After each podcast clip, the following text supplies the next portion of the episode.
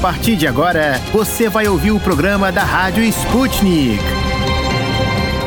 Oi, ouvintes! Eu sou a Francine Augusto e estou aqui com vocês para mais um programa ao lado do meu parceiro Pablo Rodrigues. Oi, Pablo, sextou, hein? Olá, Francine! É isso aí! Vamos nessa com muita informação para atualizar os nossos ouvintes com tudo que é mais importante nesta sexta-feira, 18 de fevereiro. Nosso giro começa atualizando a situação de calamidade na região serrana do Rio de Janeiro em Petrópolis após as fortes chuvas que atingiram a localidade. Já são centenas de desaparecidos, desabrigados e desalojados, Fran. É muito triste a situação. Hoje é o quarto dia de buscas pelas vítimas. Ao todo, já passam de 120 pessoas mortas. Entre as áreas mais afetadas está o Morro da Oficina, no alto da Serra. Na quinta-feira, ocorreu um novo deslizamento e as autoridades foram obrigadas a retirar os moradores do bairro 24 de Maio, também um dos mais atingidos. Ontem, o Senado criou uma comissão temporária externa para acompanhar a situação no município. A ideia é propor medidas para ajudar a população.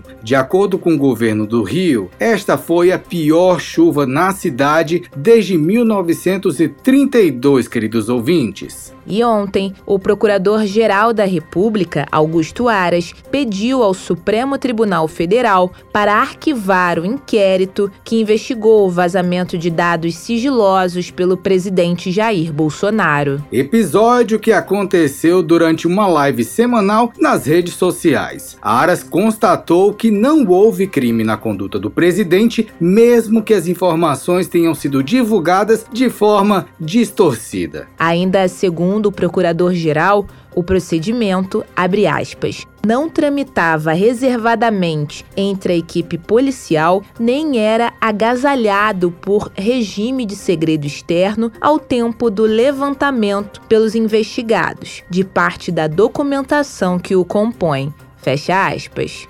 Sobre a polêmica envolvendo o depoimento de Bolsonaro à Polícia Federal, Augusto Aras pediu que o mandatário não fosse responsabilizado pelo não comparecimento. E nas notícias internacionais, acontece de hoje até domingo a 58ª edição da Conferência de Segurança de Munique. Os chefes de Estado de mais de 30 países, 100 ministros e os líderes das mais importantes organizações internacionais como a ONU, a OTAN e a União Europeia vão participar do evento. Mesmo com a pandemia, foi decidido realizar a conferência em formato presencial devido ao risco de escalada e danos irreparáveis para a ordem internacional ante crises globais crescentes. A vice-presidente dos Estados Unidos, a Kamala Harris, está entre os participantes do evento e deve se reunir com ao menos 13 líderes dos países, inclusive o presidente da Ucrânia, o Vladimir Zelensky. A Rússia não enviou sua delegação porque considera que a conferência tem sido transformada em um fórum puramente atlântico, perdendo sua neutralidade. Depois desse giro, que tal conferirmos o que preparamos no programa de hoje, caros ouvintes? E no programa de hoje. No Destrinchando a Charada Brasil, abordaremos a ampliação da parceria entre o laboratório União Química e a Rússia. No quadro Esqueceram de Mim em Portugal, vamos comentar o aumento do número de casamentos no país. O Bombando no YouTube vai escrachar o desespero do Reino Unido em reforçar as suas tropas na Estônia por causa dos rumores de invasão russa contra a Ucrânia. No Destrinchando a Charada Internacional, vamos falar do novo acordo firmado entre Brasil e Estados Unidos, o Global Entry, e se isso vai ajudar a reduzir filas de espera por entrevistas de vistos em consulados brasileiros. O Mistura do Brasil com Moscou vai apresentar para vocês, ouvintes, a coleção de itens soviéticos e russos mais extraordinária. Destrinchando a Charada. De dentro e fora do Brasil. Política, economia, sociedade, e tudo que engloba o maior país da América Latina. As charadas mais complicadas do Brasil são destrinchadas aqui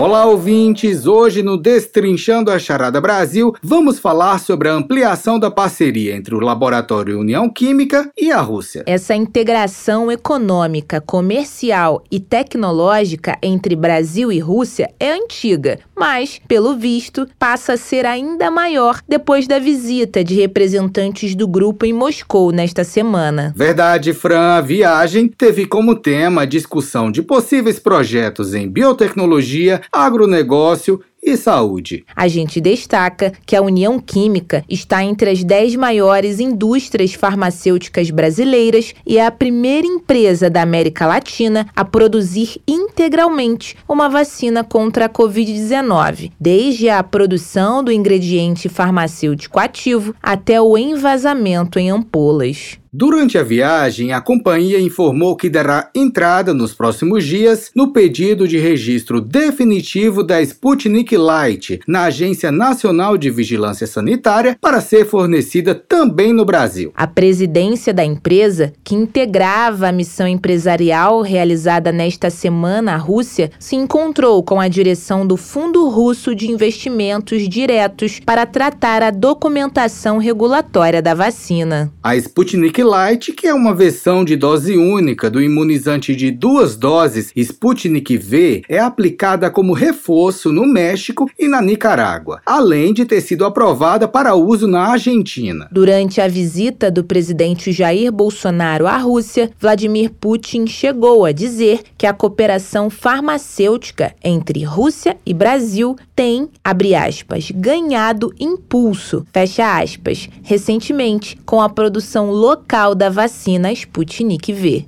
Além do setor farmacêutico, os participantes do fórum definiram o agronegócio, fertilizantes e a tecnologia da informação como áreas de negócios prioritárias entre os dois países. Chamamos agora para este bate-papo o Fernando de Castro Marques, presidente da União Química. Olá, Fernando. Agradecemos por conversar com a Rádio Sputnik. Fernando, qual a importância dessa parceria com a Rússia? A importância é enorme a gente ter tecnologia e produção do IFA, tanto da Sputnik V quanto da Sputnik Light no Brasil, sem depender de importações. Isso é uma coisa fantástica. Nós devemos isso à Rússia, que nos cedeu essa tecnologia sem custo e ônus nenhum para nossa nação. E além da Sputnik Light, a União Química já prevê parcerias com a Rússia para novos projetos? Nós já temos é, alguns parceiros aqui e alguns negócios importantes em andamento. Nós também estamos avaliando a possibilidade de aquisição aqui na Rússia. Acreditamos que esse país é um, um país que oferece muita oportunidade e tem muito a ver com o Brasil. Então, acho que com o apoio do BRICS, isso é muito importante, essas parcerias. Estaria nos planos do laboratório alguma nova fábrica ou escritório na Rússia agora para os próximos anos? Sem dúvida, nós estamos com um acordo com diversas companhias russas.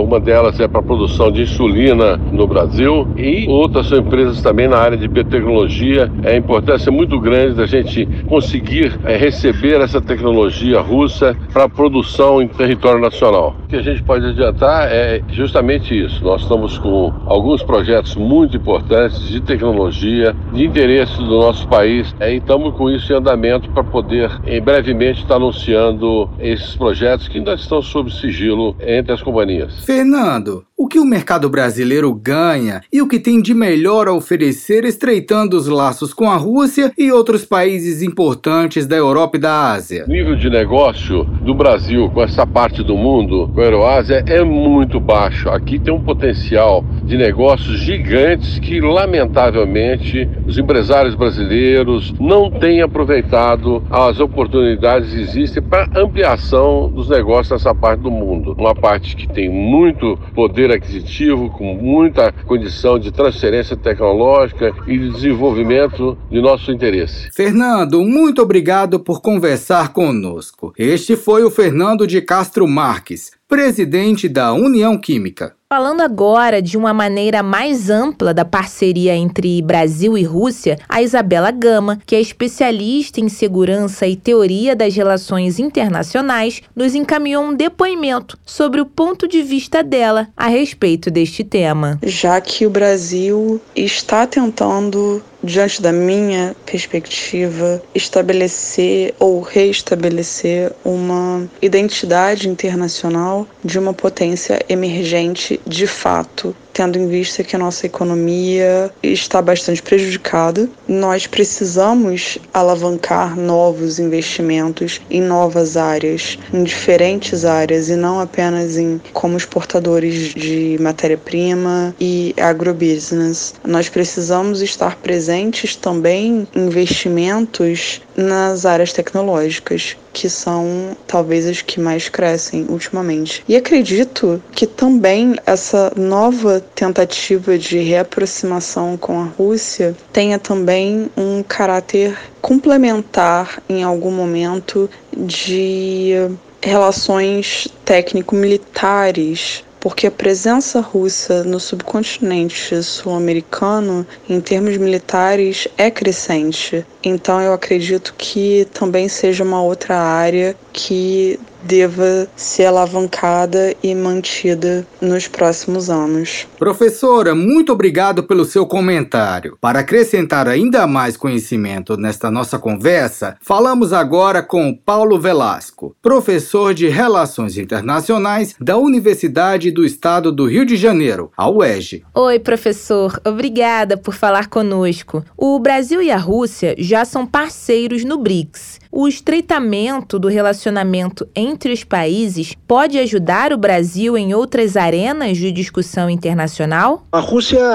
é, desde o final do governo Fernando Cardoso, desde 2002, considerado um parceiro estratégico. Né? Houve ali a inclusão da Rússia no rol de parceiros estratégicos do Brasil. Isso significa alguma coisa, né? Isso denota que existe uma convergência de objetivos, de interesses, de valores, de visões de mundo né? Um compartilhamento amplo de agendas, né? A presença de ambos dentro de agrupamentos como o BRICS reforça essa ideia, né? Ou seja, é, atuamos lado a lado, né? Convergimos, né? Para, por exemplo, é, pressionar pela reforma das cotas do FMI do Banco Mundial, pela reforma do próprio Conselho de Segurança, né? Para rever um pouco da ordem internacional vigente. É, é claro que o aprofundamento dessa parceria estratégica, né? O desenvolvimento de novas áreas de cooperação, tudo isso melhora assim as perspectivas do Brasil no espaço internacional. Né? A Rússia não é um player qualquer, é né? um ator de grande peso, né? de enorme envergadura. Então, claro, essa parceria ela tem que ser sim é, destacada, aprofundada e cada vez mais consolidada. É claro que nem sempre haverá coincidência de temas, né? evidentemente. Né? Há diferenças, por exemplo, na temática ambiental ou na questão das mudanças climáticas. Há diferenças também é, em alguns temas na OMC. É, há diferenças dentro da ONU, por exemplo, né? na questão da não proliferação nuclear. Né? O Brasil foi um dos patrocinadores do Tratado para a Proscrição de Armas Nucleares em, em 2017, do qual a Rússia se mantém de fora e é grande crítica. Então, é claro, sempre haverá diferenças, né, seja na ONU, na OMC, né, em espaços multilaterais variados, mas o que importa é, é fortalecer a parceria, né, o entendimento, para fortalecer as agendas que são coincidentes. Então, diferenças, divergências sempre haverá, é da vida, né, é da vida internacional, mas é, uma parceria reforçada com a Rússia, claro que permitirá ao Brasil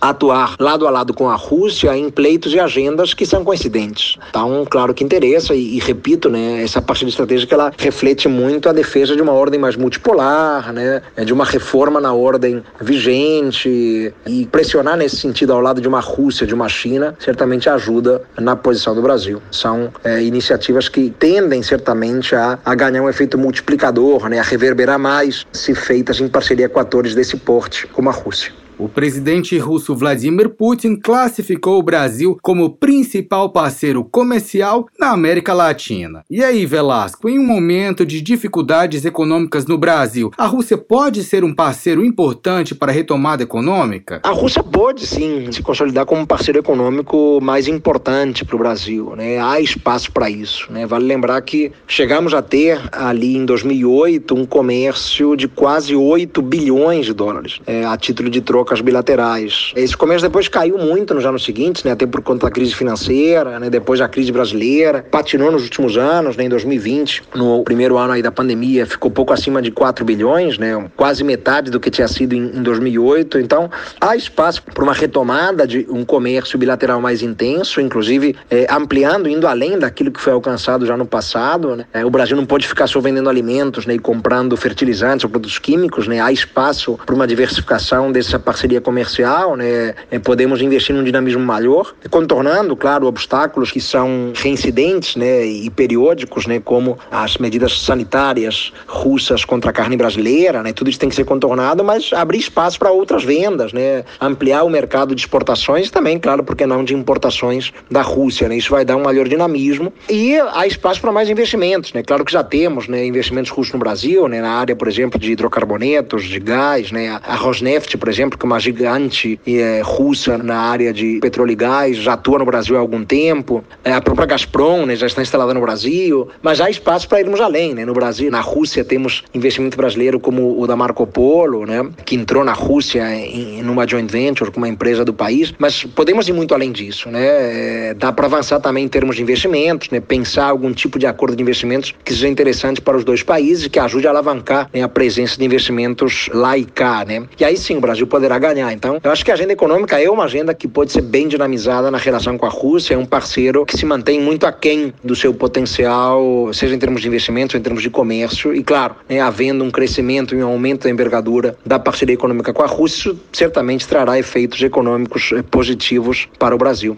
sem dúvida. Esperamos que as parcerias sejam sempre bem sucedidas e que os países tenham bons frutos em diferentes ramos, não é mesmo, Pablo? Isso mesmo, Fran. Quando dividimos experiências e conhecimento, o sucesso é garantido. Eu gostaria de agradecer mais uma vez o Paulo Velasco, que é professor de Relações Internacionais da UERJ. E assim, a gente encerra nosso Destrinchando a Charada Brasil de hoje. Tchau!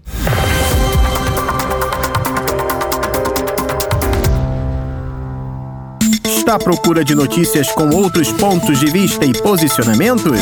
Curta nossa página no Facebook. É só digitar Sputnik Brasil na busca do Facebook e deixar sua curtida. Esqueceram de mim em Portugal. Senhoras e senhores passageiros, apertem os cintos de segurança porque estamos prestes a decolar rumo a Portugal. A tripulação Sputnik Brasil deseja a todos uma ótima viagem.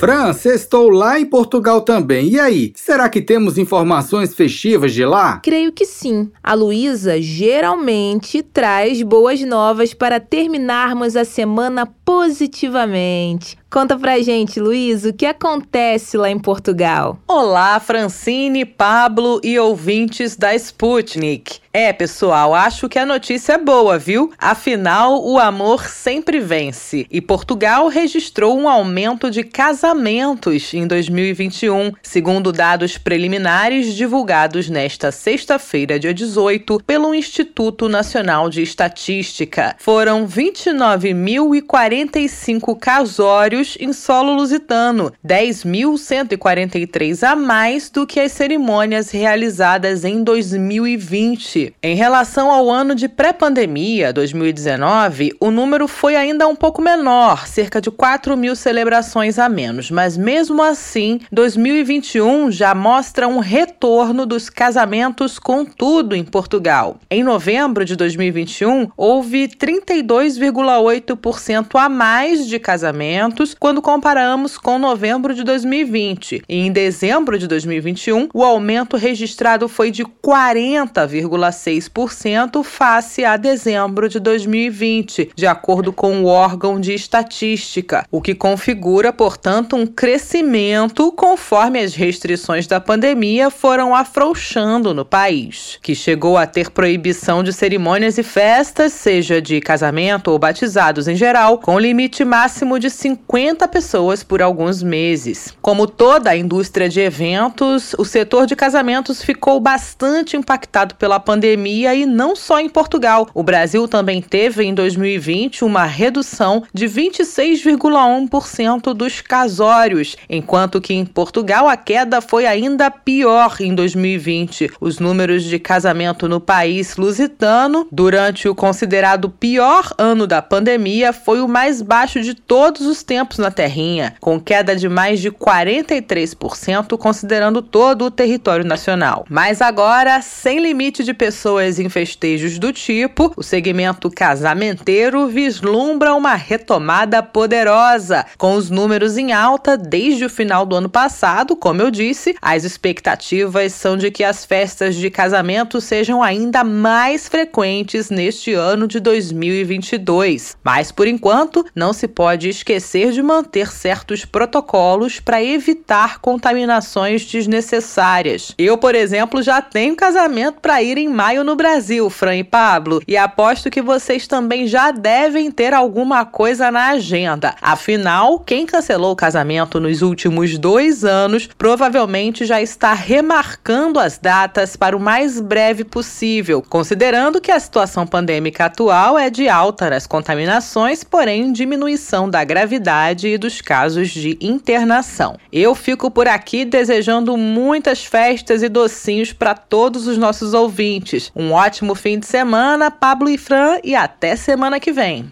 E o povo tirou o atraso da pandemia e remarcou os casamentos todos para 2021 e 2022, caros ouvintes, também promete, até mesmo no Brasil. Pois é, até porque a tendência no Brasil foi bem parecida com a de Portugal, que teve a maior queda da série histórica de cerimônias em 2022, segundo o IBGE, por causa da pandemia de Covid-19. Nossa, eu já tenho vários amigos com casamento remarcado lá na minha terra e aqui na Rússia também este ano. Eu estou muito animado porque ó, vai ser muito casamento para ir e muita comida gostosa. E não é que eu também tenho vários casais de amigos com um casamento remarcado para este ano, Pablo. Vamos nos acabar e comer até cansar muitos salgadinhos de festa. O melhor mesmo, Fran, são as playlists, os docinhos e os bem casados. Viva o amor! Que delícia, Pablo. Eu amo bem casados. E sim, viva o amor. Bom fim de semana, Luísa. Semana que vem você volta aqui para apresentar comigo o programa, hein? Está marcado. Te espero.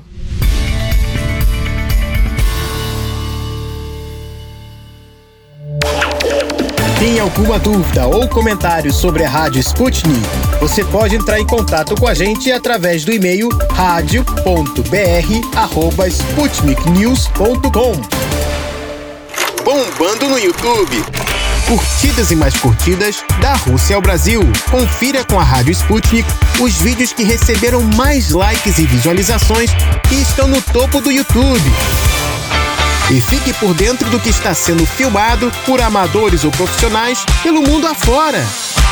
Para fechar a semana com chave de ouro, vamos conferir os cinco vídeos que estão ganhando todas as curtidas e visualizações no YouTube. E quem vai dar o top 5 do YouTube é o Tito da Silva, diretamente da redação da Sputnik Brasil em Moscou. Olá, Tito! Olá, queridos amigos da Rádio Sputnik. Eu sou Tito da Silva e estes são os vídeos que estão bombando no YouTube nesta sexta-feira, 18 de fevereiro. No primeiro vídeo de hoje, o Reino Unido decidiu aumentar seu contingente militar presente na Estônia, em meio a acusações da OTAN contra a Rússia. Enquanto Moscou é acusada de ter planos para invadir nos próximos dias a Ucrânia, o Reino Unido decidiu reforçar sua presença militar militar na Estônia, país fronteiriço com a Rússia. Além de soldados, blindados também estão sendo levados para o país. Para assistir ao vídeo, digite assim: mais perto da Rússia. Reino Unido decide dobrar número de tropas na Estônia. No segundo vídeo de hoje, um turco tem vivido um verdadeiro dilema devido à Covid-19.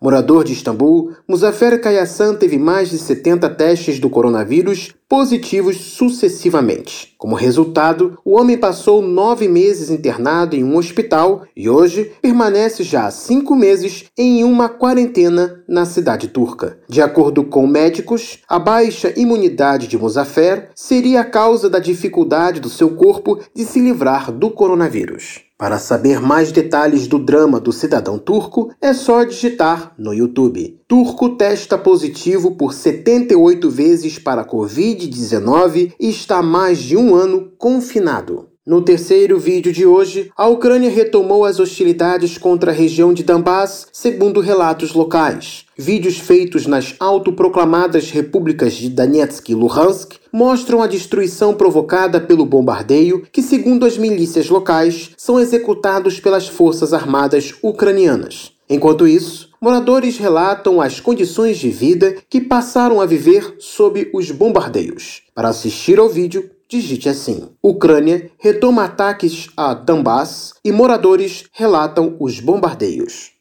No quarto vídeo de hoje, o canal 90 fez uma seleção de momentos no esporte que mostram que nunca é uma boa ideia comemorar uma vitória antes da hora, ou que zombar do adversário também não é uma boa ideia. E olha que a lista trouxe momentos no motociclismo. Lá tá cheio de casos de motociclistas que chegam até empinar a moto antes de cruzar a faixa de vitória e acabam perdendo a vitória para quem estava em segundo lugar. E no quinto vídeo de hoje, você gosta de vídeos que te deixam pensando, principalmente dos de câmeras de vigilância, tipo uns acidentes que dão muita pena do prejuízo causado? Pois é, o canal Refúgio Mental fez um vídeo que tá bombando no YouTube e já conseguiu mais de 200 mil visualizações antes de 24 horas. E por hoje é tudo, pessoal. Bom final de semana para todos vocês. Tito comentou a decisão do Reino Unido de enviar mais soldados e até mesmo blindados para a Estônia em meio ao alarme da OTAN sobre possível ataque russo contra o território ucraniano. E vale destacar quantos militares da Aliança Atlântica já se encontram em solo estoniano. Além de 800 soldados do Reino Unido, a Estônia ainda abriga mais 300 militares franceses e uma dúzia de militares de países membros da OTAN em prontidão de combate, caros ouvintes. E as forças instaladas em solo estoniano estão reforçadas com tanques de combate, artilharia, veículos blindados, armas de autopropulsão e drones táticos. E tudo isso por causa de rumores de que a Rússia planeja atacar a Ucrânia. E aí, ouvintes, seria mesmo só por causa desses rumores? Bem, Tito, muito obrigado pelo top 5 do YouTube. Nos veremos em breve na redação da Sputnik Brasil em Moscou.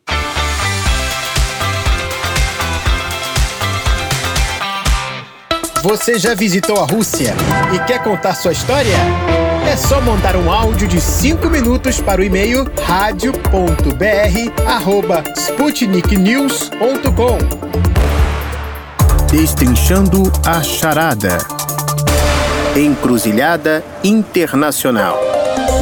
Relações políticas, socioeconômicas e muito mais entre as nações deste mundão da Rússia aos Estados Unidos. Encontre com a gente as respostas às perguntas do momento. No Destrinchando a Charada Internacional de hoje, vamos falar sobre o que é o Global Entry e no que este acordo pode ajudar brasileiros que querem ir para os Estados Unidos. Ainda em 2020, o Brasil chegou a anunciar que havia começado a aderir às primeiras regras para entrar no programa Global Entry, que hoje conta com 11 países. Mas só recentemente, em 7 de fevereiro de 2022, o governo brasileiro anunciou a entrada oficial no Global Entry, que visa facilitar a entrada de brasileiros nos Estados Unidos. Mas facilitar como? A medida ajudará nos processos de obtenção de vistos? Pretende alavancar o turismo? Quem exatamente será beneficiado pelo programa? Estas e outras questões que queremos responder hoje. Brasileiros que desejam participar do programa devem se inscrever no site da Autoridade de Aduanas e Proteção de Fronteiras dos Estados Unidos, o cpb.gov, que precisa aprovar o pedido de cada um dos viajantes que desejam obter a facilitação de acesso aos aeroportos do país norte-americano. E para nos ajudar a compreender os trâmites, convidamos mais uma vez aqui na Sputnik, o Bruno Corim de Oliveira Castro, advogado, especialista em mobilidade global, direito público e consultor na ZEF Consultoria. Obrigada pela participação, Bruno. Bom, Bruno. A Casa Civil anunciou no último dia 7 de fevereiro a entrada oficial do Brasil no programa Global Entry do governo dos Estados Unidos. Do que se trata exatamente e quem serão os cidadãos beneficiados pelo programa? Em um breve resumo, o Global Entry é um acordo para facilitar a entrada de brasileiros nos Estados Unidos. Importante frisar que ainda existe a necessidade do visto. O visto ele não foi descontinuado. Atualmente, cidadãos da Argentina, do Brasil, da Índia, da Colômbia, do Reino Unido, da Alemanha, do Panamá, de Singapura, da Coreia do Sul, da Suíça, de Taiwan, cidadãos mexicanos e também cidadãos e residentes canadenses que são associados ao programa Nexus podem utilizar o Global Entry. Se a gente for ver em linhas gerais, na prática, o Global Entry ele vai beneficiar brasileiros que acabam indo habitualmente para os Estados Unidos, principalmente aqueles que vão fazer negócios ou têm familiares e acabam indo de uma forma mais rotineira ao país. Na prática mesmo, eu acredito que o principal objetivo do Global Entry é para cidadãos brasileiros e também de outros países que são signatários desse acordo a irem realizarem negócios presencialmente nos Estados Unidos. Então, quem tem costume de ir para os Estados Unidos, fazer negócio, que não tem tempo para passar né, por aquelas longas filas da imigração e que também preenche os pré-requisitos necessários, é, eu acredito que o Global Entry vai ser muito interessante, tá? Para quem utiliza, vamos colocar aqui em regra, né, o visto B1, que seria um visto de negócios. Então serve apenas para quem viaja com frequência, Bruno? Esse programa não beneficia, por exemplo, pessoas que vão de férias, passear ou fazer compras? Eu acredito que, para quem vá para os Estados Unidos de forma esporádica, o Global Entry não é tão relevante. A gente tem que considerar que o objetivo aqui é que as pessoas, né, que vão, os brasileiros que vão para os Estados Unidos, não passem por longas filas de imigração. Ou seja, geralmente para pessoas que vão de forma mais costumeira, de forma mais habitual para os Estados Unidos. E não é o caso de turistas que acabam indo uma ou duas vezes ao ano. Hoje, com a adesão total ao programa programa, o Global Entry, esse programa fica disponível a todo cidadão brasileiro que está interessado em simplificar a passagem pelo controle é, de passaporte nos Estados Unidos, tá? Então, quem tem essa rotina de ir para os Estados Unidos, ter aí mais de uma, duas viagens por ano, talvez isso auxilie. Agora, quem vai esporadicamente, talvez não seja uma possibilidade tão relevante, né? Uma mudança tão relevante. E importante frisar, isso não quer dizer que os vistos eles serão cancelados ou que eles foram descontinuados também. Então, continua a necessidade da emissão do visto para você ir para os Estados Unidos. Como existe a taxa de 100 dólares a ser quitada e também um estudo prévio do perfil dessa pessoa, principalmente se ela ainda vai manter as relações com o Brasil, então acredito que para quem vai uma vez ou outra para os Estados Unidos, não vai ter uma grande modificação. Se a gente for analisar em um aspecto mais político, que são em torno de 13 países signatários desse acordo internacional, incluindo né, o Canadá no programa Nexus e mais recentemente o Brasil, a gente pode entender que pela quantidade né, baixa de países que possuem esse acordo, né, do o acordo do Global Entry, é uma questão que pode fortalecer os negócios entre o Brasil e os Estados Unidos. Verdade. O ministro da Casa Civil, Ciro Nogueira, chegou a comentar o ingresso brasileiro no programa do Twitter e afirmou que a medida vai abre aspas, fortalecer as relações, fecha aspas, entre Brasil e Estados Unidos com a entrada facilitada a brasileiros no país. A entrada neste programa, Bruno, pode ajudar de alguma forma na obtenção de vistos em geral, ou ao menos um passo em direção à facilitação do visto de acesso de brasileiros aos Estados Unidos? Eu acredito que o que mais é importante frisar aqui é que os Estados Unidos não facilitaram a entrada de brasileiros no país e também não acabou a exigência do visto. O que é importante a gente passar aqui é que ainda essa exigência continua, tá? Ao contrário de muitas pessoas acabam levando essa informação que isso é uma possibilidade do visto acabar ou de também o Global Entry é o programa que acaba com o visto para os Estados Unidos, essa não é a verdade, tá?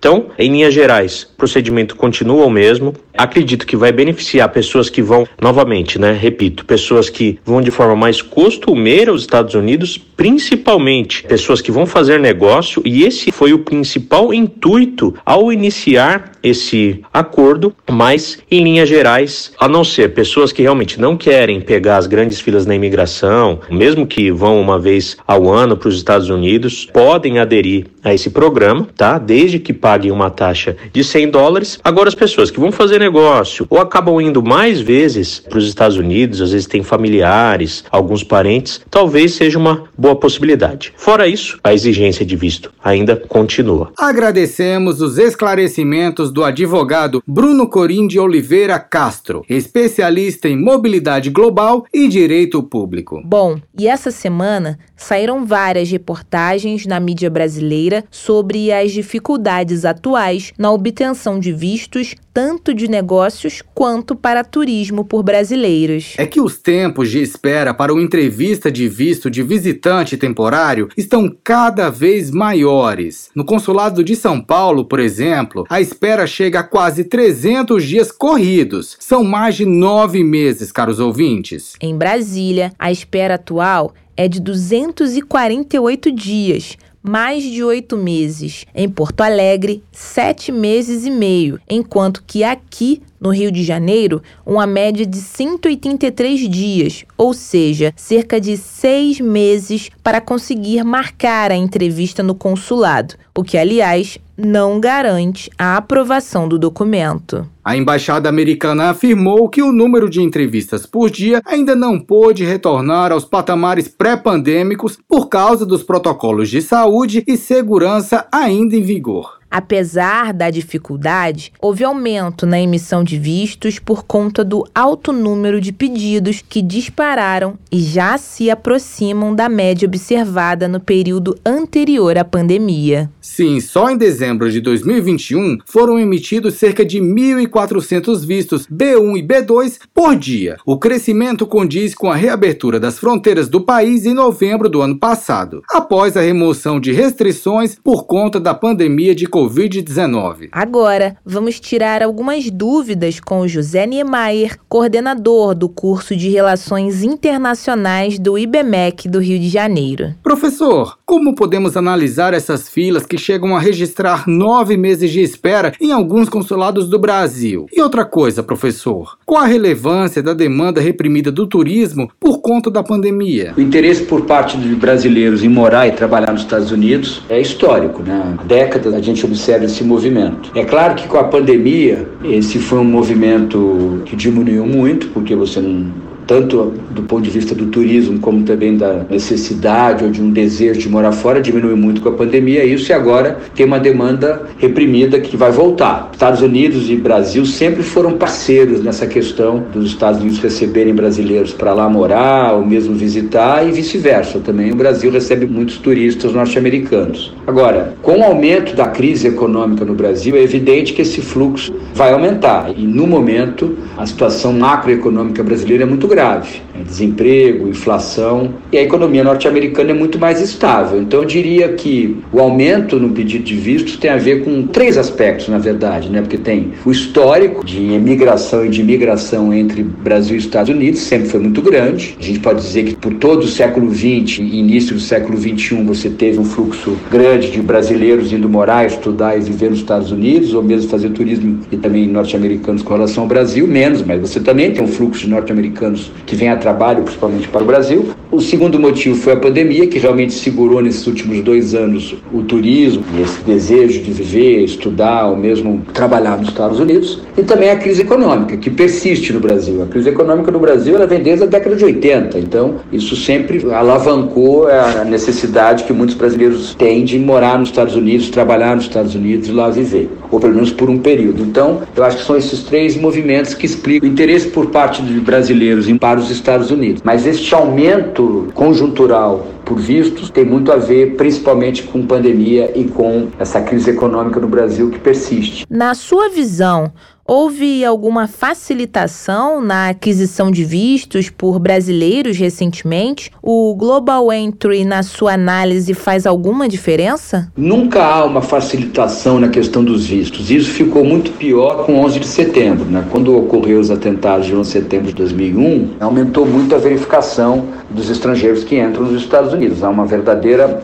paura por parte das administrações norte-americanas com turistas que, na verdade, são terroristas que entram em solo norte-americano para praticar o que eles chamam de terrorismo a partir de uma base interna. Né? Isso é muito grave para os norte-americanos. Então, claro que os norte-americanos não consideram o cidadão brasileiro um potencial terrorista, mas, no geral, os vistos foram muito dificultados depois de 11 de setembro de 2001. Você tem um processo mais difícil de conseguir o visto, não há nenhuma facilitação, não tenho essa informação, pelo contrário, a informação que eu tenho é que os vistos continuam sendo, sendo documentos difíceis de conseguir para você poder entrar nos Estados Unidos, mesmo por parte de brasileiros. É claro que o cidadão do Oriente Médio, o cidadão da Ásia, o cidadão da Europa Central tem mais dificuldade que um brasileiro para tirar um visto para os Estados Unidos, mas o brasileiro também tem que acompanhar essa mudança, como eu disse, que ocorreu desde 11 de setembro de 2001, que foi o aumento da necessidade de um controle maior com relação relação ao visto dado para turismo ou mesmo para negócios ou e principalmente para alguém que deseja morar nos Estados Unidos. Aí é mais grave ainda. Aí você tem que ter uma verificação muito mais ampla, muito mais profunda com relação àquele que está tá com a intenção de morar nos Estados Unidos. Visto é um documento que envolve muito essa questão da segurança interna do país. E os Estados Unidos têm uma preocupação muito grande com segurança interna. Niemeyer,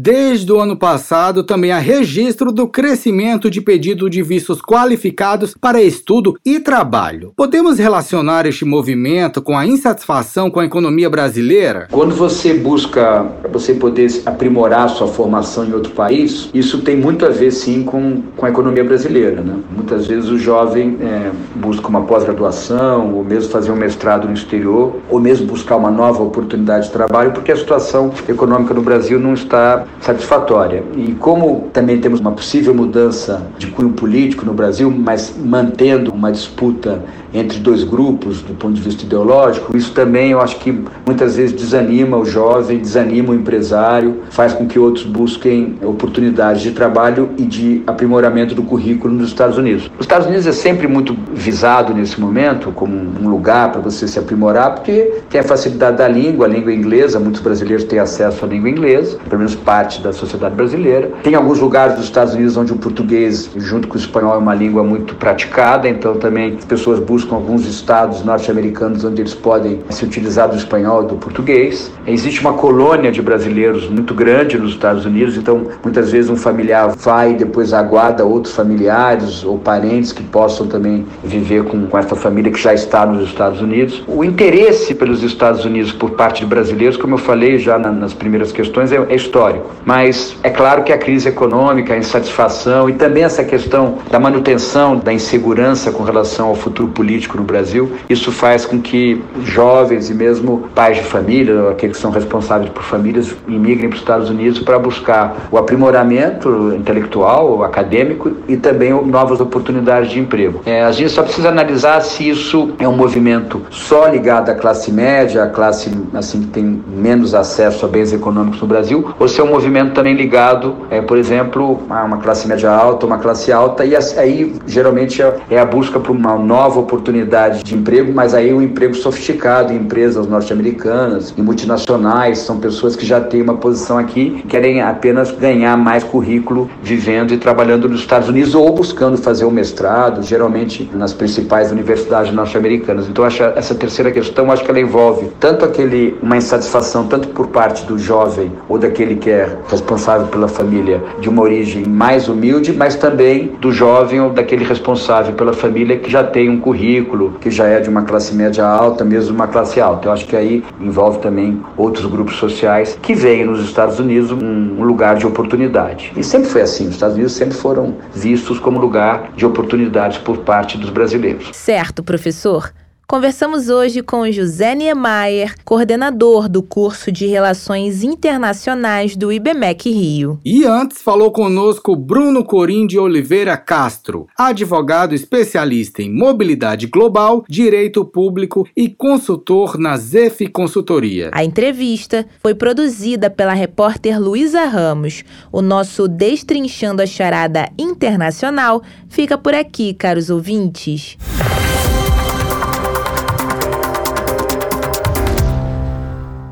Os vídeos mais esperados estão disponíveis no nosso canal no YouTube. Para encontrá-lo é fácil. É só buscar Sputnik Brasil no YouTube, aproveitar as imagens e ainda se informar.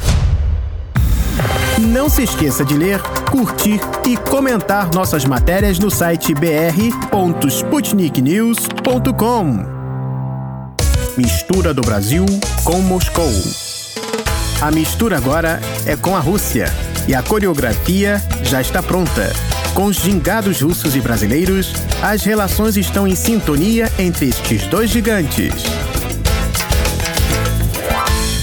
A Rádio Sputnik vai apresentar para vocês, ouvintes, a coleção de objetos soviéticos e russos mais bacana de todo o Brasil. E o colecionador é o Lucas Rubio, que estuda letras com habilitação em russo na Universidade Federal do Rio de Janeiro e trabalha como monitor de língua russa no Instituto Sayus. Rubio, é um prazer te receber mais uma vez para um bate-papo agora sobre a sua coleção. Para começarmos, diga aí, quantos itens você tem e o que coleciona? E outra dúvida, Rubio, você só reúne coisas soviéticas e russas? A minha coleção também abarca itens de outros países, não só a União Soviética e a Rússia, embora a União Soviética e a Rússia seja o tema central, inclusive a razão de existência da minha coleção. No geral, eu tenho mais de 400 itens, metade desse número aproximadamente voltado somente para a Rússia e para a União Soviética, então volta de 200 itens dos mais diversos envolvidos na história desse país. E são itens de vários tipos. Os principais, os que eu inclusive mais gosto de colecionar, são pins, né, insígnias, broches, condecorações, né, medalhas, mas eu também tenho outros itens como objetos, livros, pôsteres, notas, selos, moedas, né, tudo que seja envolvido com simbologia, com história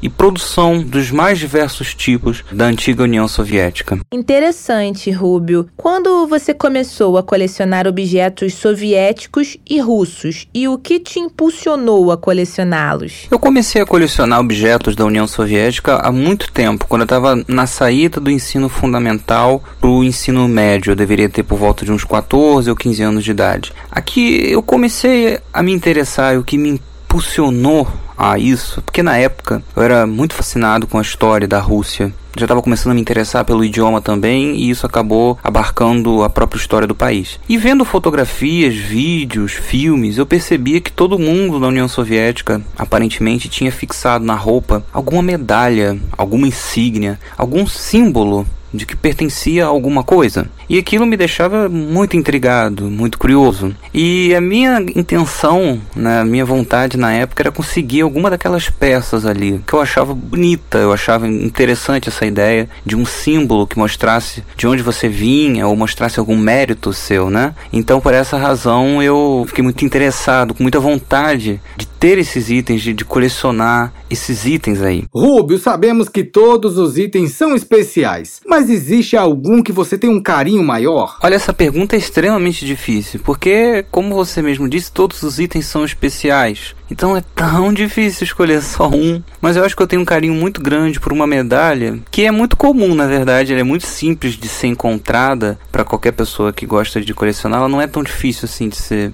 encontrada, que é uma medalha que se chama Pela Vitória sobre a Alemanha na Grande Guerra Patriótica. Ela é uma medalha com uma tiragem muito grande, né? mais de um milhão e meio, se eu não me engano, de medalhas foram emitidas. Só que essa medalha ela foi entregue para todo mundo do Exército Vermelho no fim da Segunda Guerra Mundial em 1945. E para mim, o carinho por essa condecoração reside justamente no respeito muito grande, na admiração e na gratidão que eu tenho a todos do Exército Vermelho, a todo o povo soviético, todo o povo russo que se esforçou muito para vencer o fascismo. Foi uma guerra de dimensões terríveis para o povo russo, né? muito diferente do que foi para outros países. Infelizmente, o Brasil ficou um pouco distante dessa da percepção do real significado dessa guerra e é, muitas das vezes é difícil falar no Brasil sobre a Segunda Guerra Mundial na Rússia, mas justamente pelo grande respeito que eu tenho, pelo grande feito do povo soviético de vencer a Alemanha de Hitler, que eu acho que eu tenho um carinho muito grande por essa medalha, que é uma medalha de um soldado comum, mas que representa um, uma causa muito nobre, muito grande, pela qual muitas vidas foram sacrificadas, mas no fim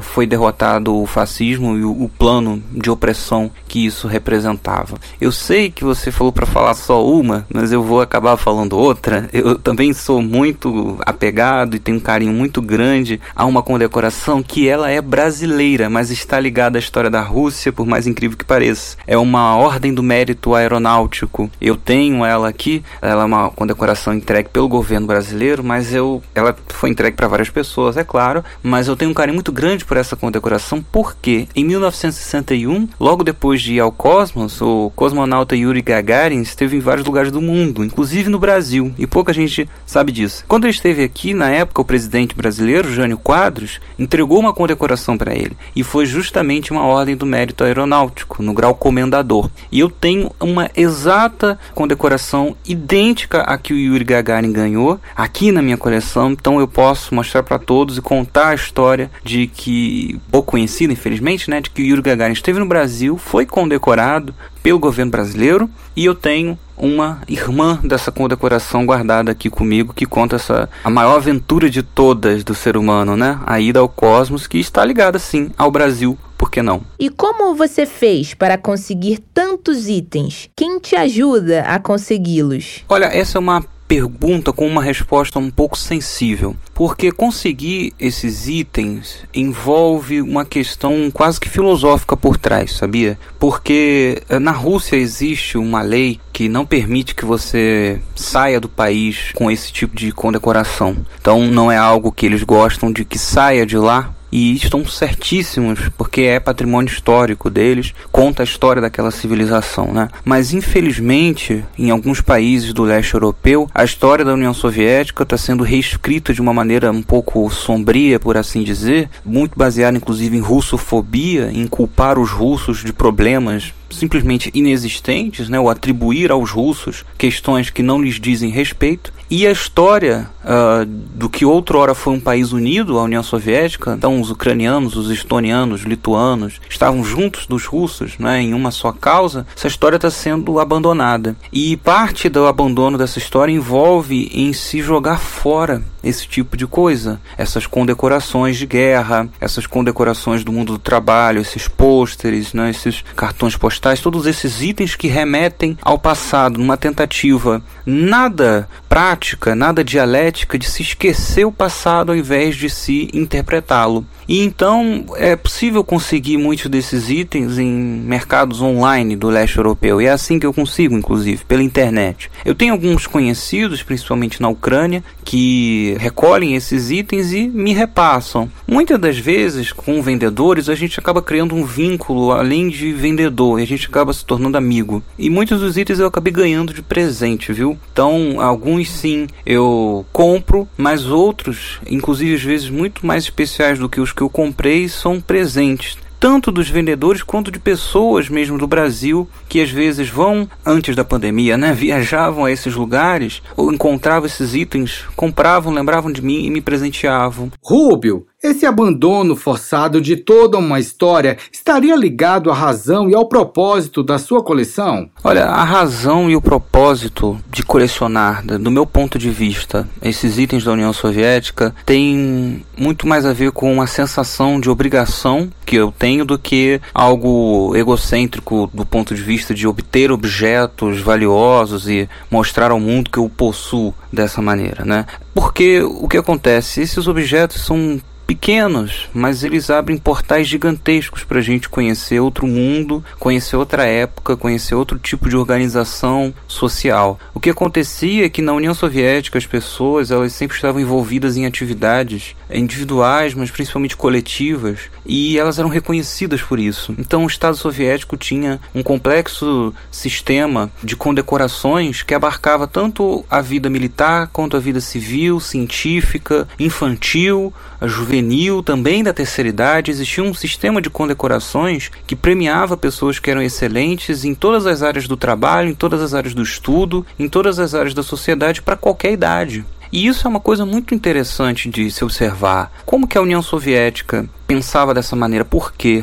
E qual era o símbolo disso? O símbolo eram justamente as condecorações, eram os broches, né, que eram entregues às pessoas. Então, se você pertencia a um coletivo de trabalho, você tinha um distintivo para usar na roupa e as pessoas iriam olhar para você e reconhecer que você fazia parte, por exemplo, de uma fábrica de tratores e elas iam respeitá-lo por isso. Se você era um estudante muito aplicado, você também teria uma insígnia que mostrasse isso e as pessoas também o respeitariam e achariam que interessante, olha que legal, aquela pessoa ali é uma pessoa que ganhou um reconhecimento do Estado por conta dos seus esforços, por conta dos seus méritos. E quando a gente está falando dessas insígnias, dessas medalhas, de todos esses objetos que eu me esforço muito para colecionar, eu não estou falando de um objeto em si, eu estou falando de um significado muito maior e de uma história intrinsecamente pessoal e coletiva que está ligada nele. A medalha que eu tenho aqui pertenceu a um ser humano de verdade, que viveu muitas décadas atrás ou sequer era nascido. Essa pessoa tem uma história de vida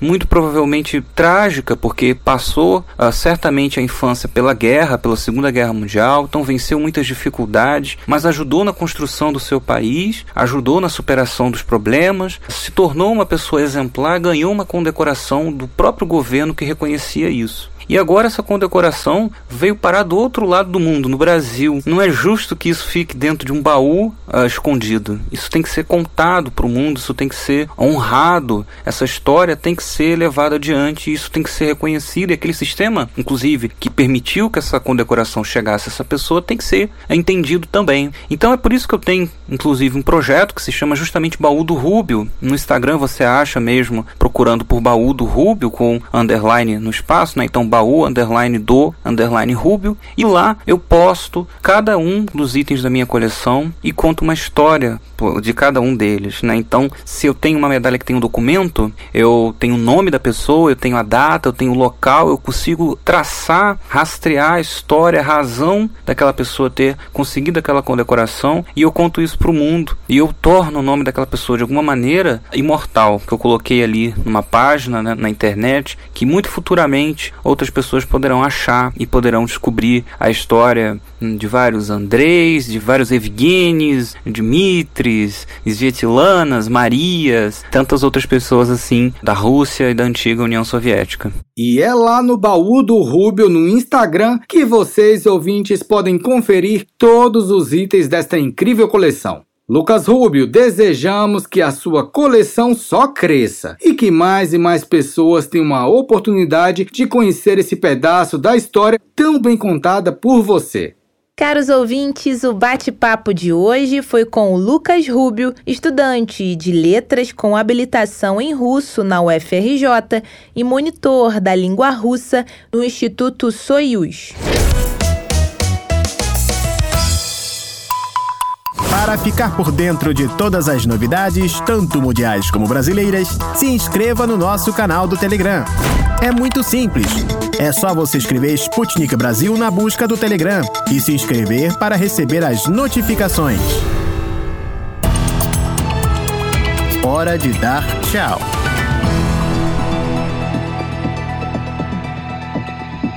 O programa desta sexta-feira, 18 de fevereiro, está chegando ao fim, caros ouvintes, e eu gostaria de agradecer a todo mundo pelo apoio e parceria durante a minha caminhada na locução e produção da Rádio Sputnik. Olha só, vocês não vão mais ouvir a minha voz, mas um pedaço de mim vai permanecer com vocês, pois eu vou continuar produzindo o quadro Deu Russo. Muito obrigada pelas dicas e por ter me recebido maravilhosamente bem, Pablo. Agora me diga uma coisa, para onde você está indo? Eu não vou para muito longe não, Fran. Eu só vou voltar para a redação da Sputnik Brasil em Moscou, visto que a equipe do Rio de Janeiro vai tomar conta da rádio agora. Mas olha, Fran, vou ficar morrendo de saudade de tudo isso aqui, porque essa experiência foi bacana demais. E quem vai assumir o comando da locução comigo é a Luísa Ramos a partir de segunda-feira. Vocês a conhecem bem, ouvintes. E a Luísa já está animadíssima para apresentar o programa. Fran, você e Luísa vão arrasar na apresentação da Rádio Sputnik. Um beijo forte em vocês e em todos os nossos ouvintes. Muito obrigado, galera! O programa da Rádio Sputnik teve apresentação, produção e edição de texto de Francine Augusto e de mim, Pablo Rodrigues. E produção de conteúdos e edição de texto de Tito da Silva e Luísa Ramos. A edição e a montagem do programa são de Wellington Vieira e David Costa. A produção geral no Rio de Janeiro é de Everton Maia e Angélica Fontela. E o editor-chefe da redação da Sputnik Brasil no Rio de Janeiro é Renan Lúcio e em Moscou, Konstantin Kuznetsov. Você acabou de ouvir mais um programa da Rádio Sputnik.